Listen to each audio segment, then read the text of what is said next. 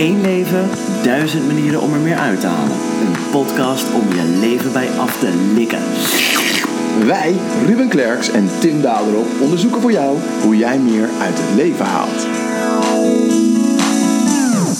In deze aflevering gaan we het hebben over slaap. Te gast is slaapexpert en auteur van het boek Superslapen, Floris Wouterson. We spreken met hem over het belang van slaap en wat we kunnen doen om onze slaapkwaliteit te verbeteren. Voordat we gaan beginnen, via welk kanaal luister jij op dit moment? Spotify, iTunes, Soundcloud of Stitcher? Wist je dat je daar nu ook meteen op abonneren kunt klikken, zodat je nooit een aflevering hoeft te missen? Doen! Zeg Tim, hoe slaap jij eigenlijk? ja, nee, sorry, dit is echt een hele pijnlijke vraag. oh, sorry, misschien had ik het niet zo. nee, nou ja, ik uh, ben wel een uh, vrij problematische slaper. Um, op zich, de laatste tijd gaat het wel echt beter. Maar slapen is wel echt altijd een ding geweest voor mij. Um, en als het dan echt heel slecht gaat, dan, uh, dan, dan kom ik in een periode waarin ik echt niet meer dan vier uur per nacht slaap. Wow. Um, ja, en dan word ik wel echt. Dan word ik eerst heel moe. En als dat een tijdje zo blijft, ik weet dat probleem op dat moment niet te doorbreken, dan kom ik in een soort hyperactieve, maar ook hypercreatieve modus terecht dan slaap ik heel weinig, maar dan kom ik, ja, dan, dan ga ik een soort overcompenseren, lijkt wel. En daar heb ik dan heel erg veel aan. Alleen als dat dan nog een tijdje voortduurt, ja, dan wordt het echt heel problematisch. Dan word ik echt heel erg moe. Um, dus ik moet wel echt zorgen dat ik vooral die, ja, die tweede fase, dat ik dat weet te voorkomen, zeg maar. Ja, heftig. Ik heb gewoon heel veel energie, dus ik, ik, ik, ik ben gewoon niet snel moe. Um, dus ik ga gewoon later naar bed het heeft voor mij gewoon geen zin om om 11 uur naar bed te gaan, zeg maar. Dus ik ga nu gewoon, ja, 12 uur, maar liever pas 1 uur naar bed. En om, uh, om 8 uur, max 9 uur opstaan. Um, dan slaap ik ook niet de hele tijd, maar dan, uh, dan slaap ik wel vrij goed over het algemeen. Ja, dat is wel echt heel fijn. En jij? Hoe slaap jij? Um, op mijn zij het liefst. Uh, en graag lepeltje, lepeltje met Susanna. en anders op mijn buik. En mijn slaaptijden zijn wel een beetje anders dan die van jou. Ik sta namelijk elke ochtend om half zes op. Damn. ja, en dan ga ik lekker aan mijn ochtendroutine. maar omdat ik zo vroeg opsta, probeer ik wel altijd om ook uiterlijk half tien in bed te liggen. En dan gewoon lekker rustig aan een boekje te lezen nog. En, en, en, en jij slaapt dan dus wel zo'n 7, 8 uur per nacht in totaal? Ja, ik uh, mik altijd op 8 uur. Maar gemiddeld kom ik op 7,5 uur slaap per nacht uit. En uh, uh, in, in het interview met Florence kwam ik er dus ook achter dat uh, dat, dat, dat, dat 8 uur als streeftijd totaal overrated is. Dat dat helemaal niet een tijd is die je per se moet halen. Dus oh. nu kan ik ook veel relaxer ermee zijn dat ik maar 7 uur slaap. Eigenlijk gek dat we zo weinig, nou ja, ik wel. Maar eigenlijk gek dat er in het algemeen vrij weinig aandacht aan wordt besteed aan slaap. Want het heeft zo ontzettend veel invloed op alles eigenlijk. Ik denk dat echt voor heel veel mensen geldt dat als ze beter zouden slapen, dat dat voor hun echt een verschil zou kunnen maken. Ja, ja, dat denk ik ook. Het heeft zo'n grote impact. En het is eigenlijk raar dat er zo weinig aandacht voor is, want eigenlijk slapen we gemiddeld een derde van onze tijd ja, dus ik, ik, ik ben ook wel daar flink mee bezig. En om te kijken van hoe kan ik mijn slaap dan verbeteren. Heb jij ideeën over hoe je jouw slaap zou kunnen verbeteren nu nog? Mm. Ja, veel dingen doe ik op zich al wel. Ik heb die slaaphygiëne tips heb ik een keer uh, op een rij gezet. Dus dingen als um, zo min mogelijk blauw licht, weet je wel, in de avond. En um, geen koffie sowieso, dat drink ik helemaal niet meer. En ook vanaf vier uur s middags geen uh, thee meer waar ook theïne in zit. Dus alleen nog maar kruidenthee en rooibos en zo. Oh, ja. um, en ik zet ook mijn telefoon een uur voordat ik naar bed ga op de vliegtuigstand. Um, dat, ik heb een hele donkere slaapkamer. Ja, ik doe op zich al wel veel goed, maar ik kan me voorstellen dat Floris ons nog wel veel meer kan leren daarover. Dat denk ik ook. Laten we gaan luisteren naar mijn interview met Floris. En eh, dan horen we ook waarom slaap zo belangrijk is en wat we kunnen doen om onze slaapkwaliteit te verbeteren. Floris Woutersson is ondernemer, slaapexpert, veellezer en auteur van het boek Superslapen: de praktische lifestyle principes voor je beste nachtrust ooit. Op zijn 25ste ervaarde Floris hoe belangrijk het is om je goed en energiek te voelen. Het was voor hem het begin om zich meer te gaan verdiepen in onze leefgewoonten en vooral in de kwaliteit van slaap. Hey Floris, welkom. Hoi, welkom Ruben. Ja, mooi. ja, want, want, want ik hoor iedereen altijd wel zeggen dat uh, slaap zo belangrijk is. Mm -hmm. Waarom is slaap dan zo belangrijk? Uh, slaap heeft op heel veel fronten een enorme belangrijke werking voor ons uh, lichaam. En ook al hè, zijn we in een bewusteloze toestand, of we zijn natuurlijk niet bewusteloos, maar we lijken in een soort bewusteloze toestand. En het lichaam voert dan allerlei herstelwerkzaamheden uit. Uh, dus dat is eigenlijk de belangrijkste reden voor, uh, voor, voor dat we slapen. Want als je dat niet zou doen, dan kan je lichaam dus niet, uh, niet herstellen.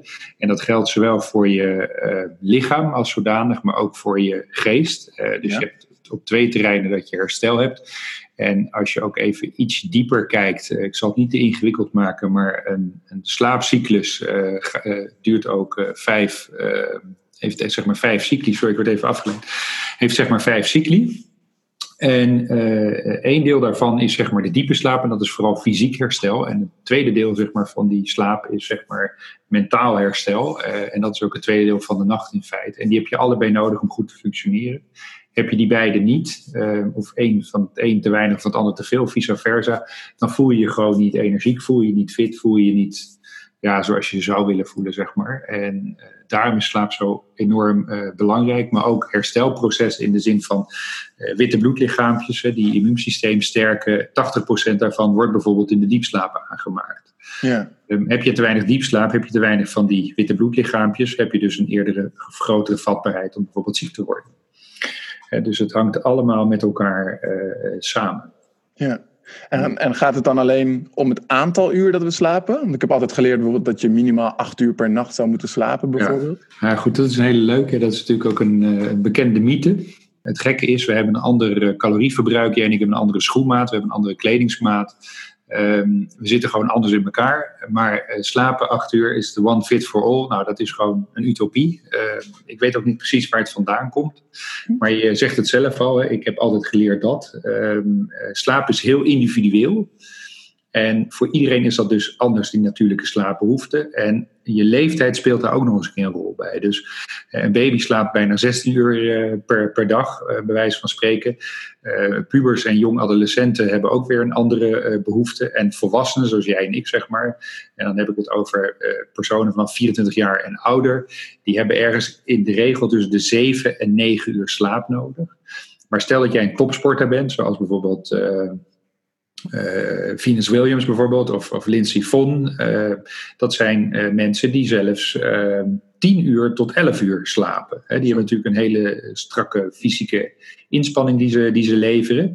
Maar zij weten, als ik niet voldoende slaap, herstel ik niet voldoende en kan ik de dag erop niet gewoon performen zoals ik wil performen. Dus um, het is heel kort door de bocht te zeggen, we hebben acht uur slaap nodig. Um, nee, het ligt ergens tussen de zeven en de negen. En het is heel belangrijk voor jezelf uit te vinden uh, wat voor jou zeg maar, het juiste aantal uren slaap is om je s'morgens gewoon fit en energiek te voelen. Ja, en je zegt dus eigenlijk dat die uh, slaapduur uh, niet zozeer een, een, een vaststaand gegeven is, maar dat je vooral zou moeten kijken naar hoe kan je die slaapkwaliteit dan verbeteren. Ja, heel goed. Heb, heb je heb je daar misschien een paar tips voor, voor, uh, voor onze luisteraars? Hoe kunnen, ze, ja, hoe kunnen we onze slaapkwaliteit verbeteren? Slaapkwaliteit kun je op heel veel fronten uh, verbeteren. Quick wins bijvoorbeeld zijn uh, je slaapomgeving. Denk dan meteen aan je slaapkamer. Ehm, onze hersenen hebben een, een, een, eigenschap dat ze verzot zijn op, op zeg maar, regelmaat. Maar onze hersenen hebben ook een eigenschap dat we zeg maar bepaalde associaties maken met bepaalde ruimtes, gedragingen of omstandigheden. En dat is dus ook voor je slaapkamer. En ik ken heel wat mensen die inmiddels geen slaapkamer hebben, maar er een half bureau van gemaakt hebben. Of ja. een gaming room.